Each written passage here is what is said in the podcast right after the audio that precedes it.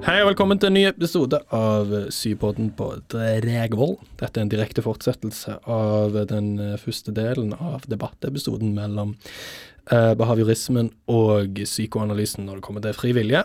Eh, hvis dere ikke har hørt på den, så vi, tar vi en gjennomgang av de to eh, grenene der.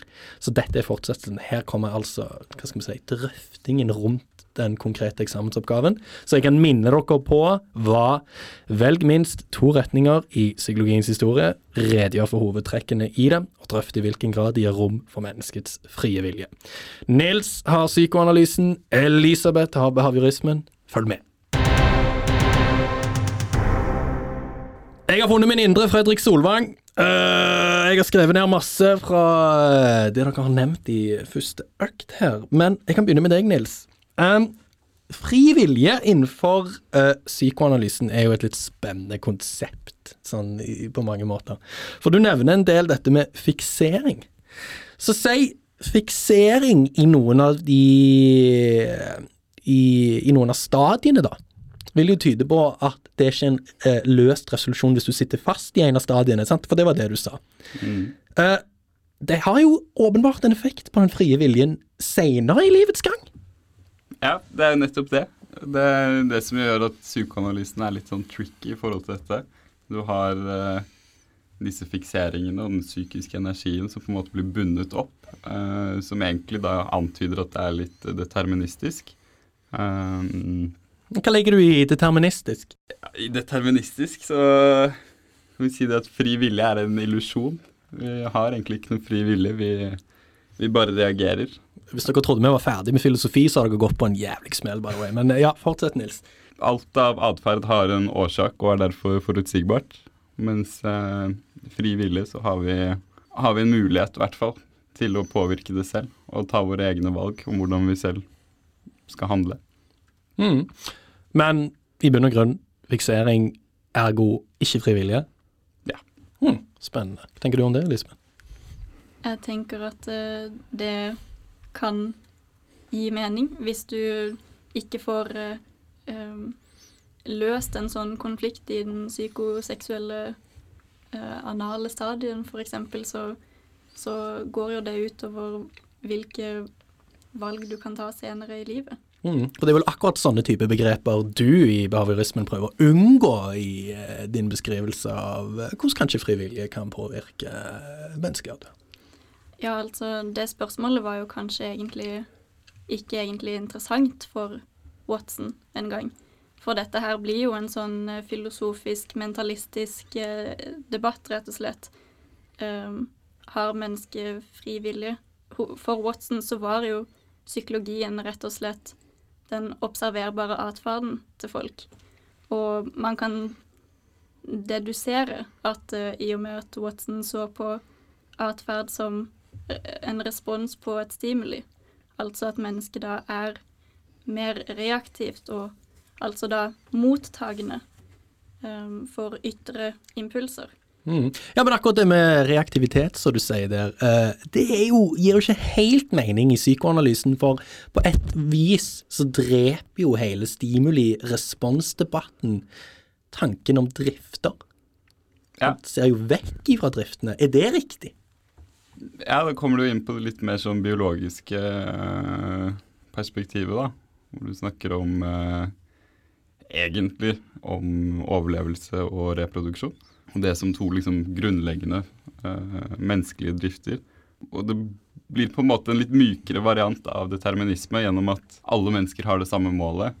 Uh, og alle mennesker kommer til å handle for å oppnå det målet. Så vi har på en måte ikke en fri vilje i forhold til om vi kan, om vi kan bestemme selv om dette er mål vi enten ubevisst jobber for eller bevisst jobber for. Mm. Spennende dette med, med dyreatferd eh, som du nevner. Men er, er det nok? til å kunne beskrive menneskelig atferd? Kan man eh, overføre atferd hos dyr, eller si rotter, da, som Watson var veldig glad i, til å være passende for mennesket, og ergo beskrive fri vilje, Lisbeth? Det er jo her man uh, kanskje kan hente litt tilbake fra evolusjonsteorien, da, hvor man ser at mennesket har en plass i dyrerekken. Ja, for begge to henter jo fra evolusjonsteorien på stor grunn. Altså Darwin har vært, og funksjonalistene har vel påvirka begge. Det kan vi være enige om. Ja. Ja, fortsett. Men kanskje eh, OK, sorry, igjen. Darwin har påvirka begge linjene kanskje litt ulikt. Det har kanskje vært litt selektivt hva de plukker ut fra den funksjonalistiske troen. Kan, kan det være med å belyse det litt, eventuelt? Men, eh, men ja, fortsett, eh, Elisabeth. Jeg tror jo at eh, Watson sitt grep rett og slett er å avmystifisere mennesket. Uh, Freud hjelper jo kanskje ikke så mye i det henseende. Uh, der får man jo dette her mystiske, denne mystiske underbevisstheten, f.eks., som ikke følger logiske eller kanskje vitenskapelige lover engang. Ja, men hvis du beskriver den mystiske underbevisstheten som drifter, så, og underbygger det med Darwin, så er det jo kanskje ikke så krise. Nei, men samtidig så kommer jo Freud og mener at disse driftene ligger jo i underbevisstheten, som eh, ikke nødvendigvis eh, reflekteres i atferden vår. Nei, men det mener jo behavioristene at det gjør.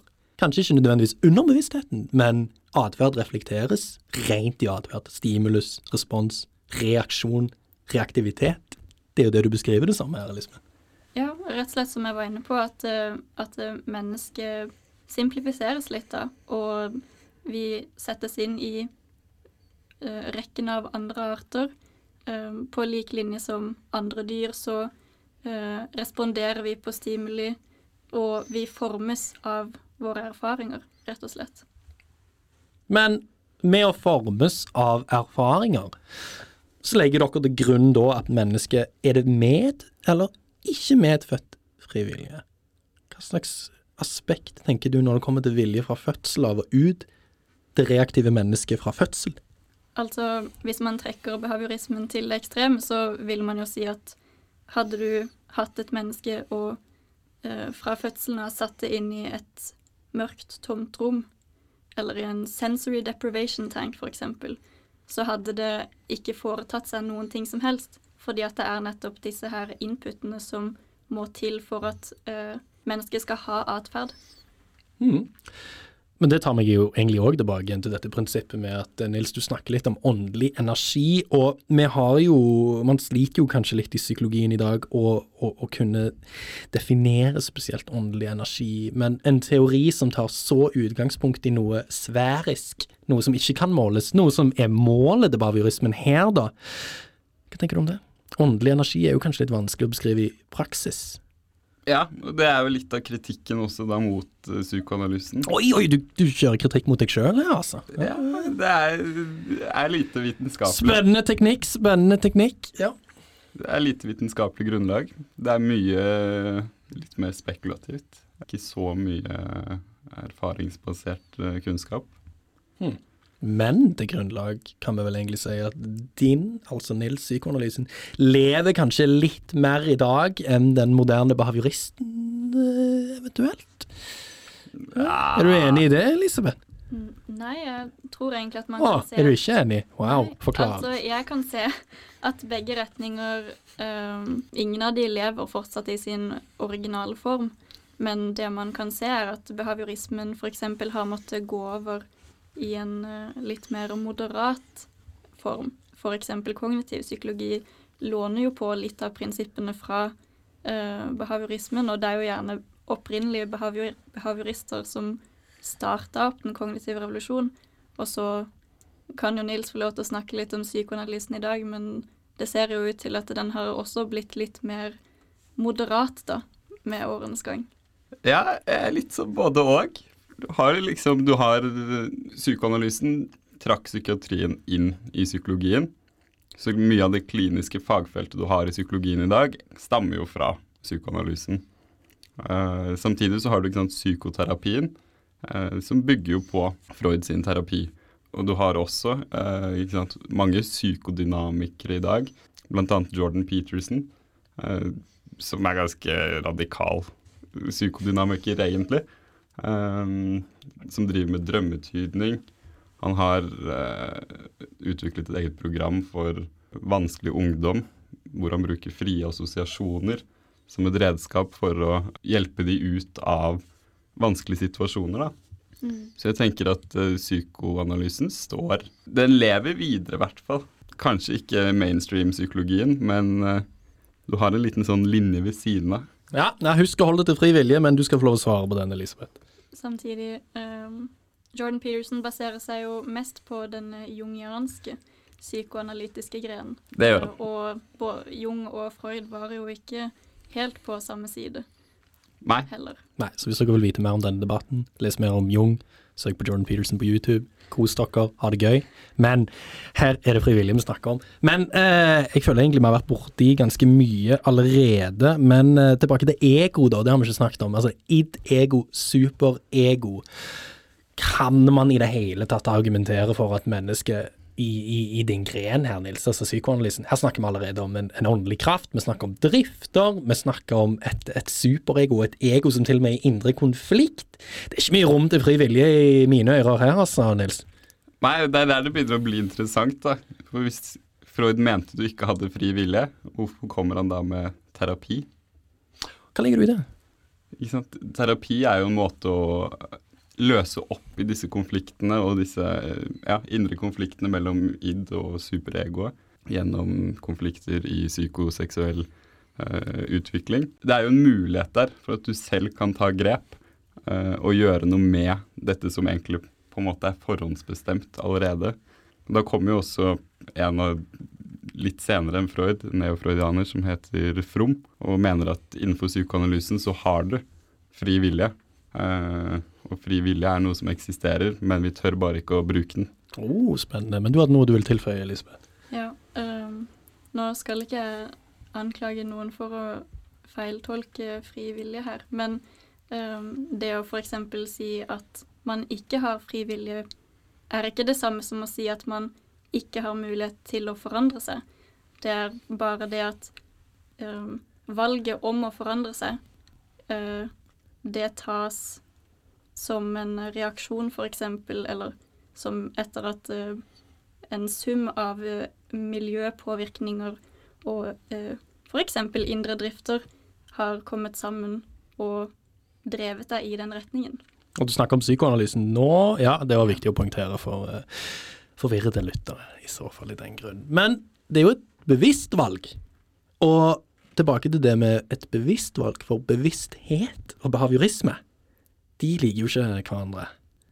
Hvorfor gjør de ikke det, Elisabeth? Og hvordan påvirker det frivillige? På Watson sin tid så kunne man jo ikke uh, måle størrelser fra bevisstheten, og det kunne man jo heller sam, Altså Freud var jo samtidig omtrent med Watson.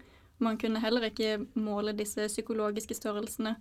Um, det er først i nyere tid at vi har fått gode verktøy for å kunne lese hjerneaktivitet, f.eks. Og derfor så synes Watson i hvert fall det ble unødvendig spekulativt å skulle gjøre seg opp meninger om prosesser som man ikke kan observere med datidens teknologi. Men du nevner jo ikke Skinner. Er det med vilje du ikke nevner Skinner? Eller uh, har du lyst til å nyansere behaviorismen litt i nyere tid? Skinner ble jo Sånn som jeg ser det, så ble jo Skinner litt sånn spikeren i kista for behaviorismen, for han tok det litt Han tok det enda mer ekstremt enn det var i utgangspunktet. Og fløy litt mer nærme solen, det er det du sier? Ja. ja. Ok. Spennende. Ingen lo. Jo, Nils lo litt, så det funka sånn i praksis. Men eh, jeg ser vi beveger oss uh, nærmere kvartersmerket. Er det, når det kommer til en siste ting vi kan diskutere litt, fri vilje som begrep i en sånn eksamensoppgave. Hva legger dere i den beskrivelsen jeg ga i den forrige episoden? Er det, er det en uh, en spesifikk ting Nå snakker jeg om dere ikke nødvendigvis innenfor grenene, men dere sier jo at fri vilje kan både i psykoanalysen kan være litt dynamisk. sant? Fri vilje er litt svevende, og i behaviorismen så er det jo nesten litt mekanisk igjen, sant? men fri vilje er to helt forskjellige aspekter. Hadde det vært viktig for dere i en sånn oppgave, jeg kan begynne med deg, Nils, å, å få fram hvor uh, bredt, dynamisk, levende det begrepet er, da, på, på et vis, hvis du skjønner hva jeg mener? Ja, jeg tror jeg skjønner hva du mener. Ja. Men jeg tenker Det er nok for jo Det som er viktig i en sånn oppgave, er å definere hva du mener med fri vilje. Ettersom det er et ganske bredt begrep, så kan man legge mye forskjellig i det. Eh, Men, men, men ikke liksom eh, Ikke det å drepe muligheten for at fri vilje kan utvikle seg til å bli noe annet i en drøfting, hvis du skjønner hva jeg mener. Altså sånn, man må ikke være for rigid i beskrivelsen tidlig heller. Eh, Litt både litt Ja, nei, kanskje. At man, egentlig, hva er det du egentlig snakker om når du snakker om fri vilje? For du må ha en liksom litt klar definisjon for at du skal eh, for at en sensor skal liksom henge med på resonnementet ditt hele veien. da. Men det bør komme tidlig i oppgaven i så fall. Ja, Ja. Innledningsvis en definisjonsavklaring. Mm. Hva tenker du om det, Elisabeth? Jeg er eh, veldig enig der. Eh, og når det kommer til frivillige, så er det jo litt sånn om du spør forskjellige folk og forskjellige fagfolk for den saks skyld, eh, og ber de om å definere frivillige, så kommer de med like mange forskjellige definisjoner som folk du spør. Så jeg vil jo egentlig pushe litt på at man ikke skal føle så mye press på at man har en 100 eh, ordboksdefinisjon, korrekt definisjon av frivillige, fordi det finnes egentlig ingen enhetlig sånn definisjon av frivillige som alle er enige om uansett. Mm. Um, jeg tenker vi faktisk kan ta og gi oss litt der. Um, så til å oppsummere, så vil jeg si følgende. Når dere skal skrive en sånn oppgave som dette her, så er det lurt å ta utgangspunkt i begge disse episodene. Det vi gjorde i den første episoden, det var å definere. Vi satt grunnlag for de to ulike grenene vi har, som her var behaviorismen og psykoanalysen, og med å beskrive ikke, jeg vil ikke si det er oversiktlig, men det er ikke overflatisk. Men med å beskrive, så gir du deg sjøl gode knagger til å bruke i diskusjonen. Så hvis dere gjør det, så får dere en god, naturlig rød tråd som dere kan bruke i drøftingsbiten deres, som er veldig viktig. I drøftingsbiten deres, som kommer etter presenteringen, så kan dere nesten operere litt sånn som vi har holdt på nå, inne i denne økten her. Her har vi liksom vist at vi er ikke eksperter, det er ikke i det hele tatt, men vi har uh, selvtillit nok, kreativitet nok, og vi underbygger det med fagbegreper, uh, og på den måten så gjør vi det riktig. Og det er ikke feil det vi sier, men vi er òg åpne, kritiske til oss sjøl, ser sammenhenger, prøver å motbevise og bevise. Altså, det er mange måter du kan løse det på, men dette her er én måte å gjøre det på. Så forhåpentligvis så har denne eh, lille debattepisoden her eh, gitt dere en liten pekepinn på hvordan en sånn oppgave kunne blitt løst. Og jeg tenkte jeg kunne avslutte med sensorveiledningen. Skal se om vi finner den fram her. For akkurat denne oppgaven. Eh, og det er litt for å poengtere hvor bred denne er, da. Så, for å oppsummere oppgaven. Velg minst to retninger i psykologiens historie, redegjør for hovedtrekkene i dem, og drøft i hvilken grad det er rom for menneskets frie vilje. Også på sensorveiledningen så står det ikke så mye, egentlig. Der står det i denne oppgaven står det åpent hvilke epoker kandidatene ønsker å fokusere på. Det står også åpent hvordan begrepet epoke blir definert. Man kan følge århundrene, mindre tidsavsnitt, eller epoker for dominerende skoleretninger. Og jeg vil si at vi har kanskje gjort dominerende skoleretninger akkurat her. Eh, og det vil jeg òg anbefale flere å gjøre. Det er kanskje den beste måten å gjøre det på, vil jeg si. Så kanskje kommer det en episode senere om eh, humanismen og kognitiv psykologi. Hvem vet? Elisabeth hadde noe hun ville påpeke der. Kan jeg bare få lov å si først ferdig sensorveiledningen? Eh, det er òg først og fremst den grunnleggende problemstillingen om menneskets frie vilje som må være med. Det er også viktig at kandidaten er inne på det grunnleggende paradokset mellom vitenskapelig forutsigbarhet og menneskets frie valg. Ja, Elisabeth, hva er det du vil si? Jeg har en eh, kommentar på din kommentar Oi! om at uh, det å f.eks. ta for seg en av de større uh, retningene er det beste alternativet.